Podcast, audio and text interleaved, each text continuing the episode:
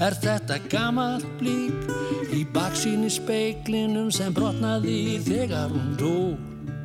Er þetta minningagreinum þá máðu ástan mann ekki og þó? Í síðasta þætti íhugðum við upphaf minningagreina og stöðu þeirra í íslensku samfélagi. Í dag ætlum við að kafa dýbra.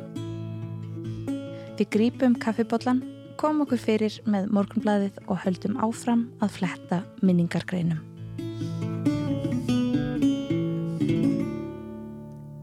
Um minningagreinar gildu áður ymsar skrifaðar og óskrifaðar reglur. Þær urðu að vera á íslenskri tungu, sett voru á þær lengdarmörk, á ákveðnu tímupunkti voru frumsamin ljóð bönnuð. Ekki þótt til séðs að sá sem skrifaði væri of nákomin hinnum látna, en það þótti óhófleg tilfinningasemi löstur. Og svo var það reglan um þriðju personuna. Í dag er meiri hluti minningagreina skrifaður í annari personu, þar sem hinn látnu eru beinlínis ávörpuð. Það var þó lengi vel reynlega bannað. Morgumbladið tók aðeins við minningagreinum sem skrifaðar voru í þriðju personu um þau látnu frekar en til þeirra. Margir telja þá reglu af að veri við líði frá fyrstu dögum blaðsins, en svo er þó ekki. Heyrum í styrmi Gunnarsinni. Hann var réttstjóri Morgunblaðsins í 36 ár. Einn góðum við þetta kom Mattias úr kaffi út á Ótlborg og bannaði að hinn látni var í áarpaður í minningagreinum. Mattias Jóhannesson sem sé, með reittstjóri Styrmis. Og ástæðan fyrir því að hann kom utan á Hóllborg og bannaði þetta var svo að Tómas Guðmundsson skáld saði Mattias hvernig stendur á því að þið hérna eru með svona ósíð að, að áarpa hinn látna. Þannig gerðist það. Þannig að það var umverulega Tómas sem að hérna hafði þessi áhrif á á, á breytingar á, á þeim reglum sem við settum um minningagreinar. Tómas Guðmundsson, Reykjavíkur skáld. Hvers ímynd situr á bekk við tjörnina í öllum veðrum og ortið þessi orð sem gerðnan rata í minningagreinar. En bregstu þá í þeim er göngu móður og þjáður í sál til fundar við þig býst og dauði vertu vini mínum góður og vekan ekki framar en þér líst. Líkt og ástarljóð sem enginn fjekk að njóta Eins og gulnað blað sem geymir óræð orð. Eins og gömul hefð sem búið er að brjóta. Þar er ég, þar er þú, þar er allt það sem ástinn okkur gaf. Þannig týnist tíminn Þannig týnist tíminn Þannig týnist tíminn þó hann byrtist við og við Þrátt fyrir hugmyndir fólks í dag um annað þá var alls ekkert óalgengt að fólk skrifaði beintilins látna á 7. og 8. áratugnum Raunar er elsta minningagreinin í annari personu eftir mínum bestu heimildum frá 1935 og hún er um Ólöfu Bjarnadóttur sem lest aðeins 25 ára gömul. Höfundur greinarinnar er naflus, undirstendur aðeins X. Það er allt það sem ástinn okkur gaf. Þegar ég frétti andlátitt fannst mér erfitt að trúa því að þú væri farin frá okkur um nokkurt skeið. Þótt ég mætti reyndar vita að skjótt getur sólbrúði sumri. Ímsar þær minningar sem snerta þig síðan við vorum vestur á bremisvöllum reyka nú um hugminn, glöggvari og skýrari en nokkru sinni áður. Ég minnist þess þegar við sem unglingar lekum okkur saman á völlum að alltaf þótti fjörið og kætin deild brotum ef þú varst ekki með. Við leiksískinni þín vissum öll að góðvild þín var nær takmarkalauðs og lund þín var kátt og hress og þess vegna þótt okkur væntum þig sem lifnar við og við. Býr þar söktar kent sem ennþá næra særa. Þar er ég, þar er þú, þar er allt það sem ástinn okkur gaf.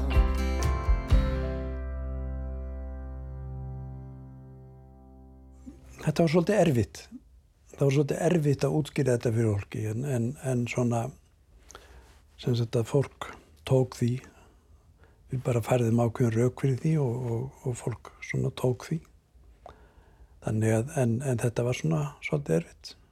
Fyrst það var nú bara uh, gert þannig að, við, eh, að ef að það kom sagt, einhver með minningagrein sem að uh, svona rúmaðist ekki innan þessara regna sem að Mattias kollegi mér var búin að setja að þá hérna fór svo bara hins sami með grein tilbaka og, og lagfarðana þannig að það var ekki hlutverk starfsmannsinn sem tók við og afgriði greinarnar inn í kerfi hjá okkur. Og svo náttúrulega eftir að tölvu til sjöuna þá fór bara fólk að skrifa þessar greinar inn í kerfin sem náttúrulega breyti mjög miklu einfaldaði vinnu, vinnulægið við þar Mér var sögð saga uh, sem að sem snýra því að einn daginn hefði komið minningrein frá ungri konu inn á reittstjórn mm. sem að skrifaði til látins barnsins og það er vafalust er það rétt saga já, og það var sagt að um það hefði orðið helgjörnar yfirildi hvort mm. það ætti að leifa það eða mm. ekki og að svo hefði farið að að hún er því að fá að byrta þessa grein eins og stæði og þar með var ekki hægt að banna öðrum. Já, já, kann, þetta er mjög sennilegt, þetta er, þetta er algjörlega raugrétt, það er eiginlega ekki hægt að banna móður að skrifa að áarpa láti batsitt, það er ekki hægt. Ég heyrði þessa sögu fyrir þó nokkru síðan þegar ég vann á mbl.is. Hún er falleg en ég er ekki vissum að hún sé sönn. Minningagreinar í annari personu hættu að byrtast við upphaf nýjunda áratugurins og voru svo leiðar aftur í kringum 1993.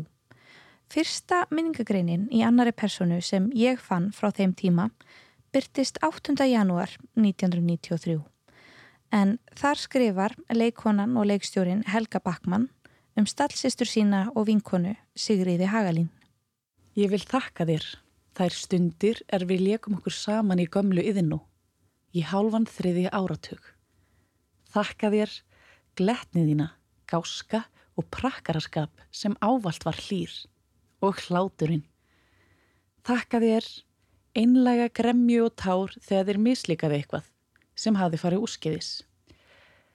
Þakka þér ástriðu og skapita sem þú gafst personum þínum og líka okkur. Þakka þér fyrir að vinna allt svo vel og vera öðrum fyrirmynd. Þakka þér stundir sem við áttum einar á ferðum landið, þá töluðu tvær stelpur fram á nótt. Þakka þér fyrir að fara svo vel með þá gjöf sem þér var gefin, en láta stelpuna ekki gleymast. Þakka þér hreinlindi og tryggð. Þakka þér gafir síðustu ára sem var nýtt blómaskeið. Þakka þér myndina föguru af konunni í kvannagarðinum. Hlý og hrein var hún loksins komin heim. Þakka Guði að þú vast og verður. Minningargreinin minnir eiginlega mest á ljóð en frumsamin ljóð voru auðvitað ekki leifð í minningargreinum á þessum tíma. Um Sigriði voru skrifaðar tólf minningagreinar sem fylgtu þrjár síður en grein Helgu þótti skera sig svo úr að Ritstjórnblaðsins ákvaða að draga hana sérstaklega fram, búa um hana í textabóksi og leifa orðunum að anda betur, eins og ljóði.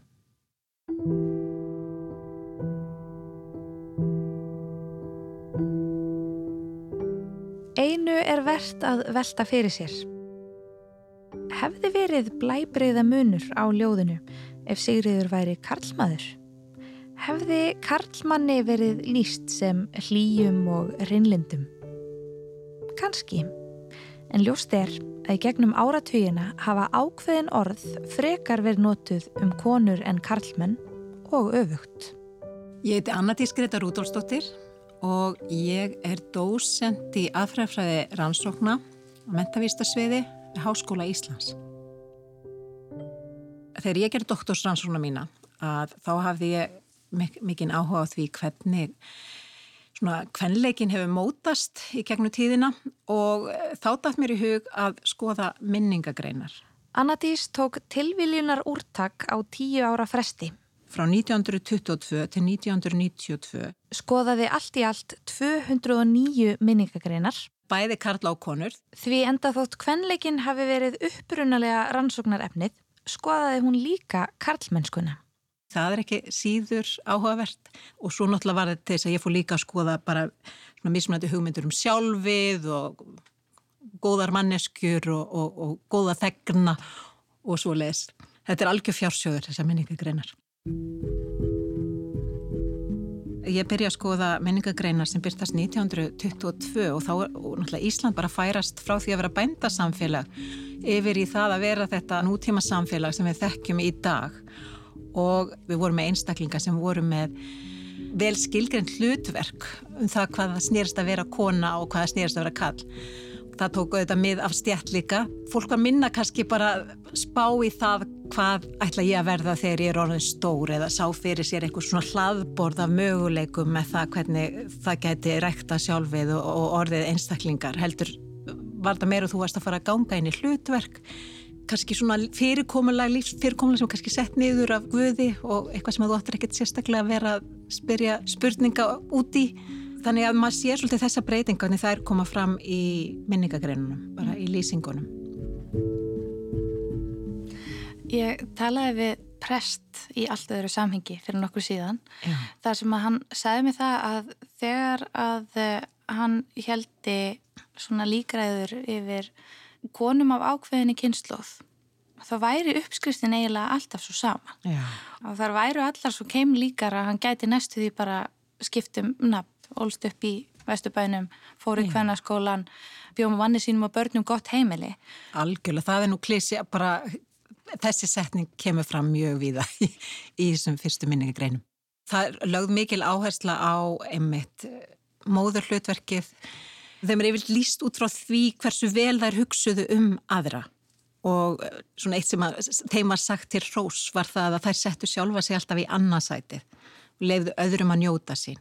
Mm -hmm. og ég man ég skrifaði grein einmitt og tók eh, fyrirsögnuna upp úr ljóði sem byrtist í gamalli minningagrein Aldrei þú og aðra skegðir Í grein í bókinni Eitt sinn skal hver deyja frá 1996 skoða þær Arndís Þorgirsdóttir og Guðrún Björk Kristjánsdóttir sama efni.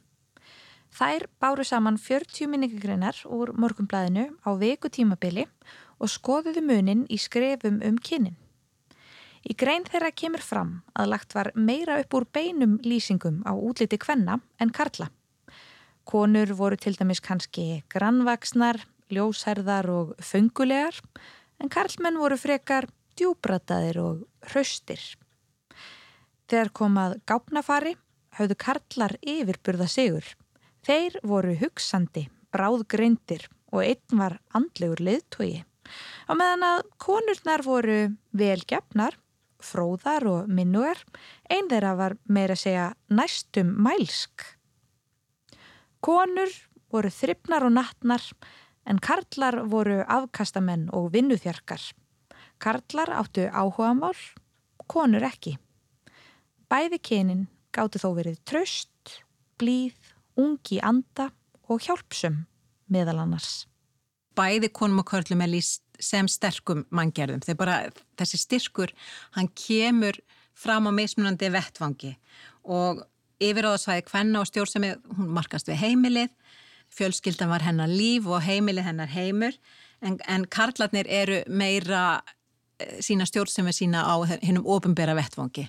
Mér tók eftir því til dæmis í minningagreinunum að karlarnum var lýst sem brautriðjandum og það var að tala um hvað þeir voru framsýnir en þó svo konuna voru tala um hvað það væri velgefnar og vel lestnar þá kom ekkert upp í mínu úrtæki um það að þeim var lísum brautriðendum og það var aðeins einn sem fekk lof fyrir framsýni og þá var það þannig að höfundu minningagreinan var mjög ánað með það að hún hefði veitt einhverju máli sem að hann stóð fyrir brautagengi. Er það ekki alveg típist? Augljóslega hafa minningargreinar um konur breyst. Konur njóta meira frelsi sin áður, starfa utan heimilisins eiga jafnvel áhugamál. En svo hafa efnistökin einnig tekið stakkaskiptum. Þar sem áður þótti óviðegandi að bera tilfinningar sínar á tork, streyma inn harmrænar og tilfinningaþrungnar hinstu kveðjur. ef að fólk fer við mjög erfiðar aðstæður að þá sér maður stundum minningagreina sem vettvang til þess að greiða úr þessum tilfinningaflækjum. Annadís hefur ekki rannsakað breytingar á karlmennsku í minningagreinum nýverið sérstaklega en hún fylgist með. Þannig að svona mitt óvísindarlega svar væri að það hefur tekið breytingum og ég veist að maður sjáu miklu, kallmenn miklu meira að tala einmitt um tilfinningar sínar í minningagreinum eða gerðu áður. Þegar það var til dæs að tala um einstaklinga sem að fylgdu ekki henni beinu breyðu braut að þá var það gert undir rós. Það er ekki gert í sama mæli núna. Það er þá frekar eitt af því sem þarf til dæmis að vinna úr ef að einhverju leið illa í, í þessu samfélag út af hverju var það? Hvað hefur verið hægt að gera betur? Ef að þú skoðar sérstaklega þessar eldri minningagreinar, það er gaman að skoða myndkvarfingarna sem eru notaðar. Það segir svolítið um það hvernig við hugsum um æfiskeiðið og okkar hlutverk meðan við erum lifandi. Ég sá svo oft verið vísun í það að við værum bara á ferðalagi og maður sér tilvísun til dæmis í það þegar við tala um lífsförunautin. Fólk fær ekki meiri byrðar en það ræður við og það fær þessar eh, byrðar frá Guði og hann, hann setur ekki meira á okkur en við, við getum axlað og þá er alltaf sérstaklega konur sem fengur þannig mjög þunga byrðar. Þannig ég held að hérna, ljóð Tómusar Guðmundssonar um Hótel Jörð, ég finnst það svolítið lýsandi fyrir það hvers konar viðþorf kemur fram til hlutverks okkar meðan við erum lifandi í minningagreinunum. Tilvera okkar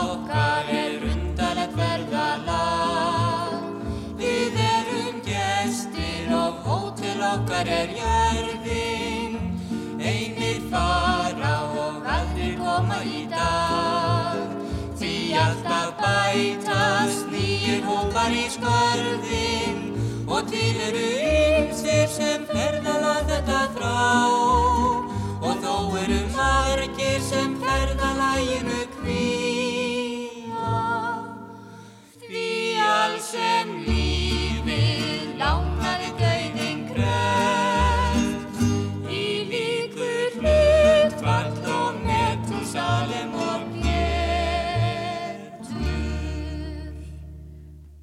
Auðvitað eru minningargreinar alvarlegt mál.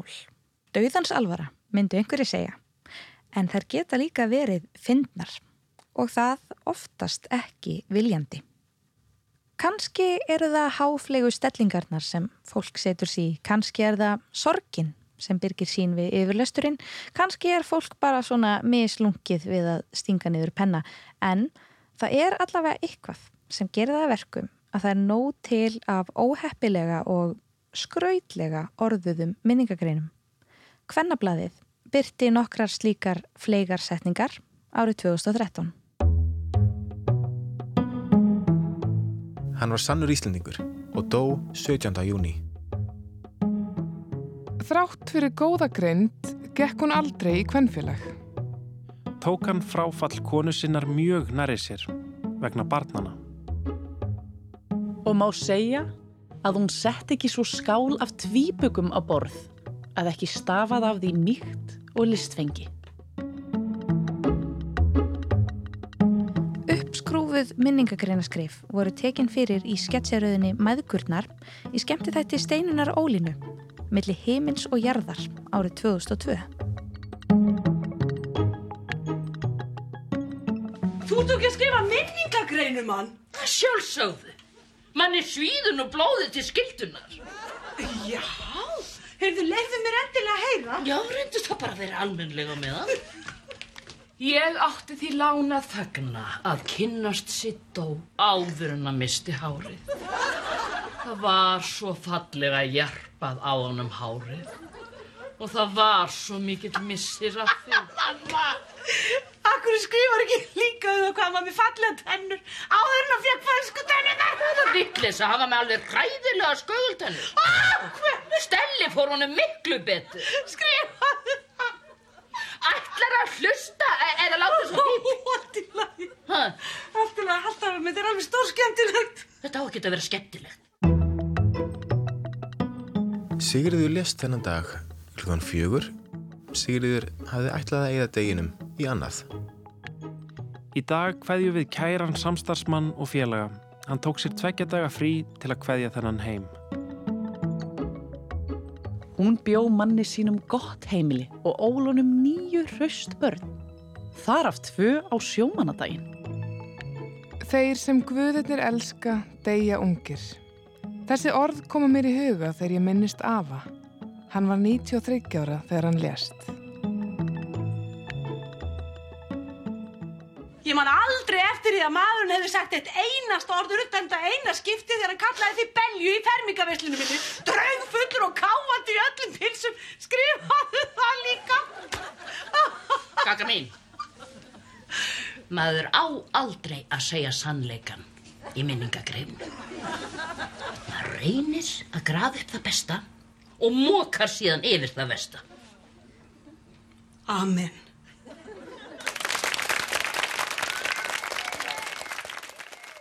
Franski rithöfundurinn og heimsbyggingurinn Voltaire sagði Þeim lifandi skuldum við virðingu, þeim dauðu skuldum við sannleikan. Sannleikurinn vill oft skólast aðeins til í íslenskum minningagreinum að gátskalenda höfði nærveru sálar og jafnvel þó sálinn sem fjallaður um hafi yfirgefið sitt jarðaneska hulstur skilur hún nánast alltaf eftir sig aðrar sálir sem vilja oftast minnast allra bestu hliða ástvinnar síns og láta þeir síðri liggja á milli hluta.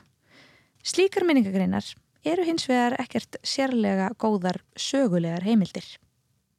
Það getur verið svo upplýfgandi að lesa örlítið heiðarlegri minningagreinar eins og til dæmis þessa dánartilkynningu sem byrtist í Denver Post árið 2012 um Michael Blanchard sem hafði viðrunefnið Flathead eða Flathaus.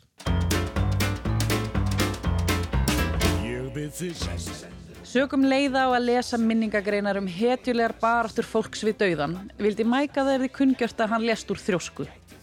Því að þverneita að fylgja fyrirmælum lækna og því að vera ólatabelgur í meira en sex áratugi.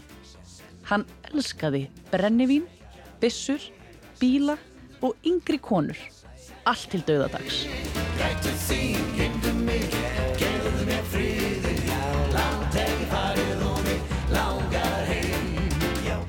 Í tilkynningunni eru eftirlifandi ættingjar taldir upp og tekið fram að Baba Yaga geti kist á honum óæðri endan. Eins er tekið fram að margir vinnir hans úr bernsku sem ekki letu lífið í Vietnam hafi orðið glæpamenn, hórur og eða demokrater. Þeir og aðrir eru beðnir um að koma í minningaratöfn til heiðursmæk og segja sögurnar sem hann getur ekki sjálfur sagt lengur. Við byggjumst virðingafylst til þess að engin ungmenni undir 18 ára aldri mæti til fagnæðarins. Það sem hann mun innihalda efni bannað börnum.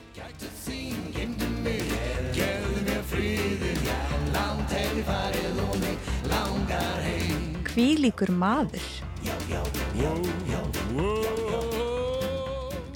Það er leitun að jafn ber orðri minningagrein hér á Íslandi. Vöndun jafnvel. Ef greinarhöfundur ákveður að minnast á einhverja af löstum hins látna er oftast gripi til þess að tala undir rós. Ef hinn látni var til dæmis viðskota íllur, frekur, fúlindur, sérlundaður eða bara almennt sérstakur að einhverju leiti er til dæmis eiginlega alltaf nóg að segja bara hann var ekki allara. Lengi vel mátti líka helst ekki nefna krabbamein í minningagrein. Í stað þess að tiltaka meinið sögðu greinareitrar yfirleitt að sá sem minnst var hefði látist úr yllvígum sjúkdómi. Það var svona eins og að segja Voldemort en þó þar hafi orðið breyting á eru enn til dánarásegir sem síður eru dregnar fram. Það er til dæmis tiltölulega nýlega sem en, sem en minnast á það í eftirmælum að viðkomandi hafa átt, ég skulum segja við áfengisvandamál að stríða Áður fyrir var þetta skömm en nú er þetta viðkendu sjúkdómur. Þetta er Sölvi Sveinsson. Hann er íslensku og sakfræðingur og starfaði lengi við kennslu og skólastjórn. Það skammast ín enginn fyrir að skrifa einhver hafi verið með krabba minn en mönnum var leið á hálsi fyrir að lýsa því sem vandamál í lífi viðkomandi að hann hefði neitt áfengis í óhófi. Alveg fram undir lok 19. aldar þá voru menn ekki drikkveldir eða þeir voru vinnegðir eða ölkærir. Þetta er svona á, ákveðin skrautkvörf að segja ekki, hlut, kalli ekki hlutina sínu, sínu rétta nafni. Sölvi er sammála Voltaire. Hinn er látnu, skulu njóta sannmælis en auðvitað ef maður er nógu lungin penni má setja sannleikan fram af virðingu. Það gerði Sölvi í minningagrein um vinsinn Magnús Sigurd Jóhansson sem varð bráðkvættur í mæ 2018. Sölvi skrifar Guðmundur ættfræðingur var engum líkur nema sjálfum sér. Tók frekar keldu en krók, harður af sér í dagsins önn, óvílin með öllu, eldklár og fylgin sér og sérvitur í bestalagi. Neftópas Karl og hvað nokkuð í nef. Honum lág hátt rómur og sagði skoðun sína umbúða lust og galt þess oft. Líklega var hann stundum óþarlega opinskár og vissulega langrækin úr hófi. Gamli tímin rann honum í blóð og merk í uppeldinu. Þótt hann fættist í keflaug. Fullir það má að hann var umdeldur maður og ekki allra. Hann barðist við það aldjefli himsins sem hann sá byrtast skýrast í meðferðar úrræðum samtaka á borfið S.A.A. og fleiri. Hann taldi það mandóm að neyta výmöfna, lagði stundum niður vinnu í nokkra daga til þess að sinna því áhugamáli sínu og kom svo tví eldu til starfa, hvaðst vera endurnærður. Guðmundur rakst alls ekki í hóp. Hann var innfari en alls ekki heimóttarlegur. Vann mikið að næturlegi meðan aðri spókuðu sig í draumi. Hann var jarðbundin. Það var jafnan hressandi og ánægulegt að hilsa upp á kappan þegar sól var í hátegistað. Ekki lágan á skoðinu sín. Tók þið langan tíma að skrifa þessa grein? Var þetta grein sem þú hugsaðir mikið um eða vald þetta upp úr þér? Ég, dóttir hans ringdi í mig til að kynna mér andlátt hans sem bar mér bráttað. Mm. Hann lést skindilega eftir hjartaáfall og mér var mikið um því að við vorum þóttið umgengust ekki, umgengust ekki mikið þá, þá skrifumst við heilmikið á. Ég var að kvappa á honum að finna eitt og annað fyrir mig og, og ég lasi við fyrir hann. Þannig að þegar ég settist niður til að skrifa greinina þá kom hún bara. Sýst svona. Ég var ekki nema 20 myndir að skrifa hana eins og æfilega áðurinn læti eitthvað frá mig þá læti það liggja aðeins og svo les maður þetta yfir þegar, þegar hugurinn er búin að fástuði eitthvað annað í millitíðinni. Þú segir að hann, Guðmundur vinniðin hafi verið sérvitur í bestalagi. Já. Hvað þetta Guðmundi um þessi eftirmæli? Já, ég er viss um það að hann, hann var svo heiðarlegu sjálfur í, í framsetningu öllu sínu og, og svo beinskettur að húnum líkar þetta vafalust vel. Nú mega menn ekki vera sérviti nefnilega. Nú er, nú er freka neikvægt að segja menna þeir hafi verið sérvitir að þeir allir eiga að ganga á sömu línu. Ekki stíga á strikjan á gámstöðarhellunum. En Guðmundur fór algjörlega sína reynleir. Oh no not me. I did it my way. For what is a man? What has he got? If not himself, then he has not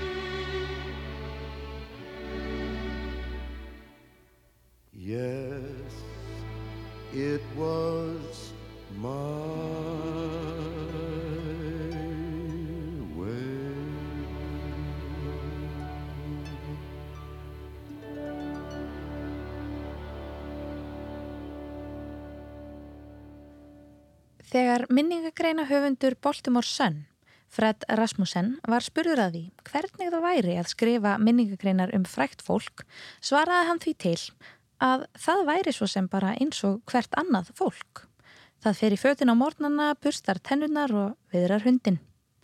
Sá eini sem Fred myndi eftir að hafa átt erfitt með að skrifum var reithöfundurinn Tom Clancy. Clancy var ekki mjög góður maður, sagði Rasmussen. Samt eru einu orðin í minningagrein Rasmussen um Clancy sem tólka mætti sem neikvæð notuð sem ingangur að sögu um góðmennsku hans. Harnað og oft stingandi kaltæðið yfirbragð herra Clancy varð að mauki þegar komað kæl, dreng frá Long Island sem deildi einlægum áhuga herra Clancy á mönnum sem slást og vopnum þeirra. Árið 1990 skrifaði Kæl, þá sex ára og með krabbaminn, höfundinum aðdáandabref. Hann svaraði fyrstu með hersingu flugvela vegspjalda. Svo þegar ástand Kæl versnaði, fekk herra Clancy vini sína í varnarmálaráðunitinu til að skipulegja heimsóknir fyrir Kæl um borði herskip og flugvelar. Herra Clancy gerist leðsögumæður um Disneyland þegar Kæl nálgæðist döðan og stopnaði síðar Kæl sjóðin til að hjálpa öðrum veikum börnum. Meira að segja, þegar greinarhöfundinum líkaði illa við mannin, lagði hann áherslu á að draga fram það jákvæða. Við höfum enda flest eitthvað fallegt og gott til brunns að bera. Eða hvað? Eiga allir skilið minningagreinar. Grípum í erlenda frétt af mbl.is frá 2001. Símar á finska dagblæðinu Helsingin Sanomat hafa verið rauðglóandi frá því blaðið byrti minningagrein frá ástrálskri konu um Mohamed Atta sem talin er hafa verið höfuð paur flugræningina sem frömdur hriðiverka ára sér á bandaríkin 11. september síðastliðin. Konan segist hafa verið vinkona Atta á netinu. Lesendir Sanomat eru ekki ánæðir. Umrætt minningagrein var líkari höfðbundnum íslenskum minningagreinum en minningagreinum sem bladamenn skrifa um þekta einstaklinga. Hún var skrifuð af 58 ára ástrálskri konu sem hafi búið í Finnlandi í um 30 ár. Hún sagðist hafa sendt greinina til blaðsins af virðingu við hinn látna en ekki sem augrun. Ég ætlaði mér ekki að koma neinum í uppnám. Hann var góður maður. Ég elska hann heitt, sagði konan í símtali við AP-fréttastofuna. Ég gati ekki trúa því að hann væri ábyrgur fyrir hriðiverka árásinni en ég býst við að ég verða að gera það núna. Janne Virkunen, reitstjóri, segir að bladið hafi hafnað lengri útgáfi minningagreinarinnar vegna þess að óttast hafi verið að tengsl gætu verið við hriðiverka árásina. Í greininni segir meðal annars Djúft í hjarta mínu er minningin geimd um þann sem ég elska og mun aldrei gleima. Flestir eiga ástvinni meira að segja hriðjuverkamenn og allir eru mannlegir, meira að segja hriðjuverkamenn. Þeir bladamenn sem hafa minningargreina skrif að atvinnu standa því frammi fyrir strempnu verkefni þegar kemur að því að draga upp raunsana mynd af fólki sem framið hefur fræg yllvirki. Þegar hann veitti erlendum bladamennum viðtöl sem hann gerði sjaldan átti Ósama bin Latin það til að horfa í greipar sér. Þetta og mjúk örlitið hrjúvröttin og blíð augun sem og það að hann lefði engar þýðingar jafn óðum duldi það sem hann sagði að það var í skilda allra muslima að drepa trúleysingja sérstaklega bandaríkjaman og að þegar hann sá lík heiðingjana fljúa eins og rík agnir 11. september 2001 fylltist hjarta hans gleði Svona hefst minningagrein bladamanns The Economist en Ró um Osama bin Laden. Greinin allir nokkru fjadrafóki þar sem hún þótti upphefja hriðjuverka leðtóðan. Hún segir hann hafa spilað á heimspressuna eins og fiðlu. Hún líkir hugarfari hans og nálgun við viðskiptamann og lýsir fjölskyldulífi hans. Engvi staðar, samkvæmt einni af fimm eiginkonum hans, var maður sem elskaði sólblóm og að borða jógurt með hunangi sem fór með börnin sín á ströndina og leiði þeim að sofa undir stjórnunum, sem nautast að hlusta á BBC World Service og fór að veiða með vinum sínum á hverjum föstu deg, stundum, rétti svo spámaðurinn, á hvítum hesti. Í viðtali um umdeildar minningagreinar sagðist Ró telli það mikilvægt að taka fyrir gott og slæmt fólk. Hún hafi viljað sína að hann átti sér mannlegar hliðar og var ekki bara skrýmsli. Ég skrifaði greinina frá hans sjónarhóli og vaksandi krossferð hans til þess að drepa eins marga heiðingja og mögulegt var, eins og hann sá hana. Sagði Ró og bætti við.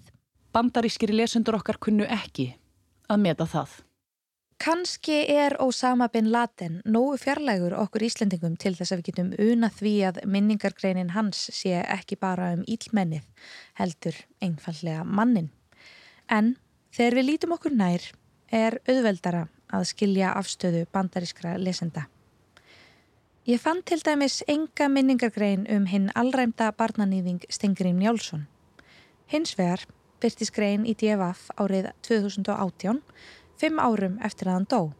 Það sem greint var frá því að ættingar fólks í leiðunum í kringum Stengrim vildi láta grafa hann upp, hóla honum niður á öðrum stað, jafnvel utangarðs. Það er kannski alveg skiljanlegt einhver staðar verða vondir að vera en í næsta leiði við langumu. Í grein djefaf kemur fram að sér að Hreitn Hákunarsson hafi sungið yfir stingrimi og að útfurinn hafi verið svo fámennasta sem hann hafi farið í. Sér að Hreitn flutti örstutta líkræðu því honum fannst ómögulegt að ekkert væri sagt um kallin. Allir hefðu eftir allt ykkvað gott tilbyrjums að bera. Hvað Stengrim Njálsson varðaði, saði Hreitn, var aðalega hægt að telja tvent til. Það að hann talaði ágæta íslensku og það að hann var mjög handlægin. Hann fekk kannski ekki minningargrein, en jafnvel einn hataðasti maður Íslands sögunar fór ekki í gröfina án þess að um hann væri sagt eitthvað fallegt, þóttfátt væri.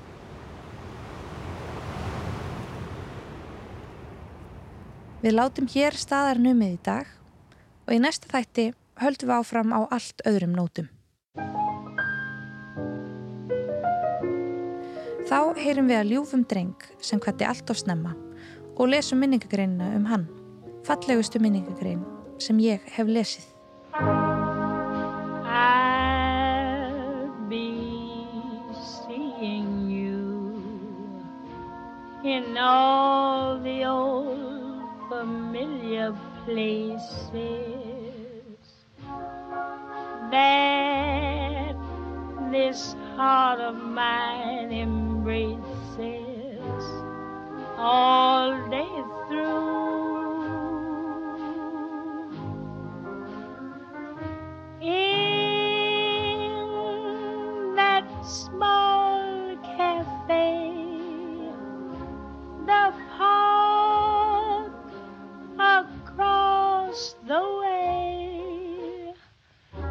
The children's carousel, the chestnut trees, the wishing well. I'll be seeing you in every lovely summer's day, in everything that's light and gay. I'll always think of you that way. I'll find you in the morning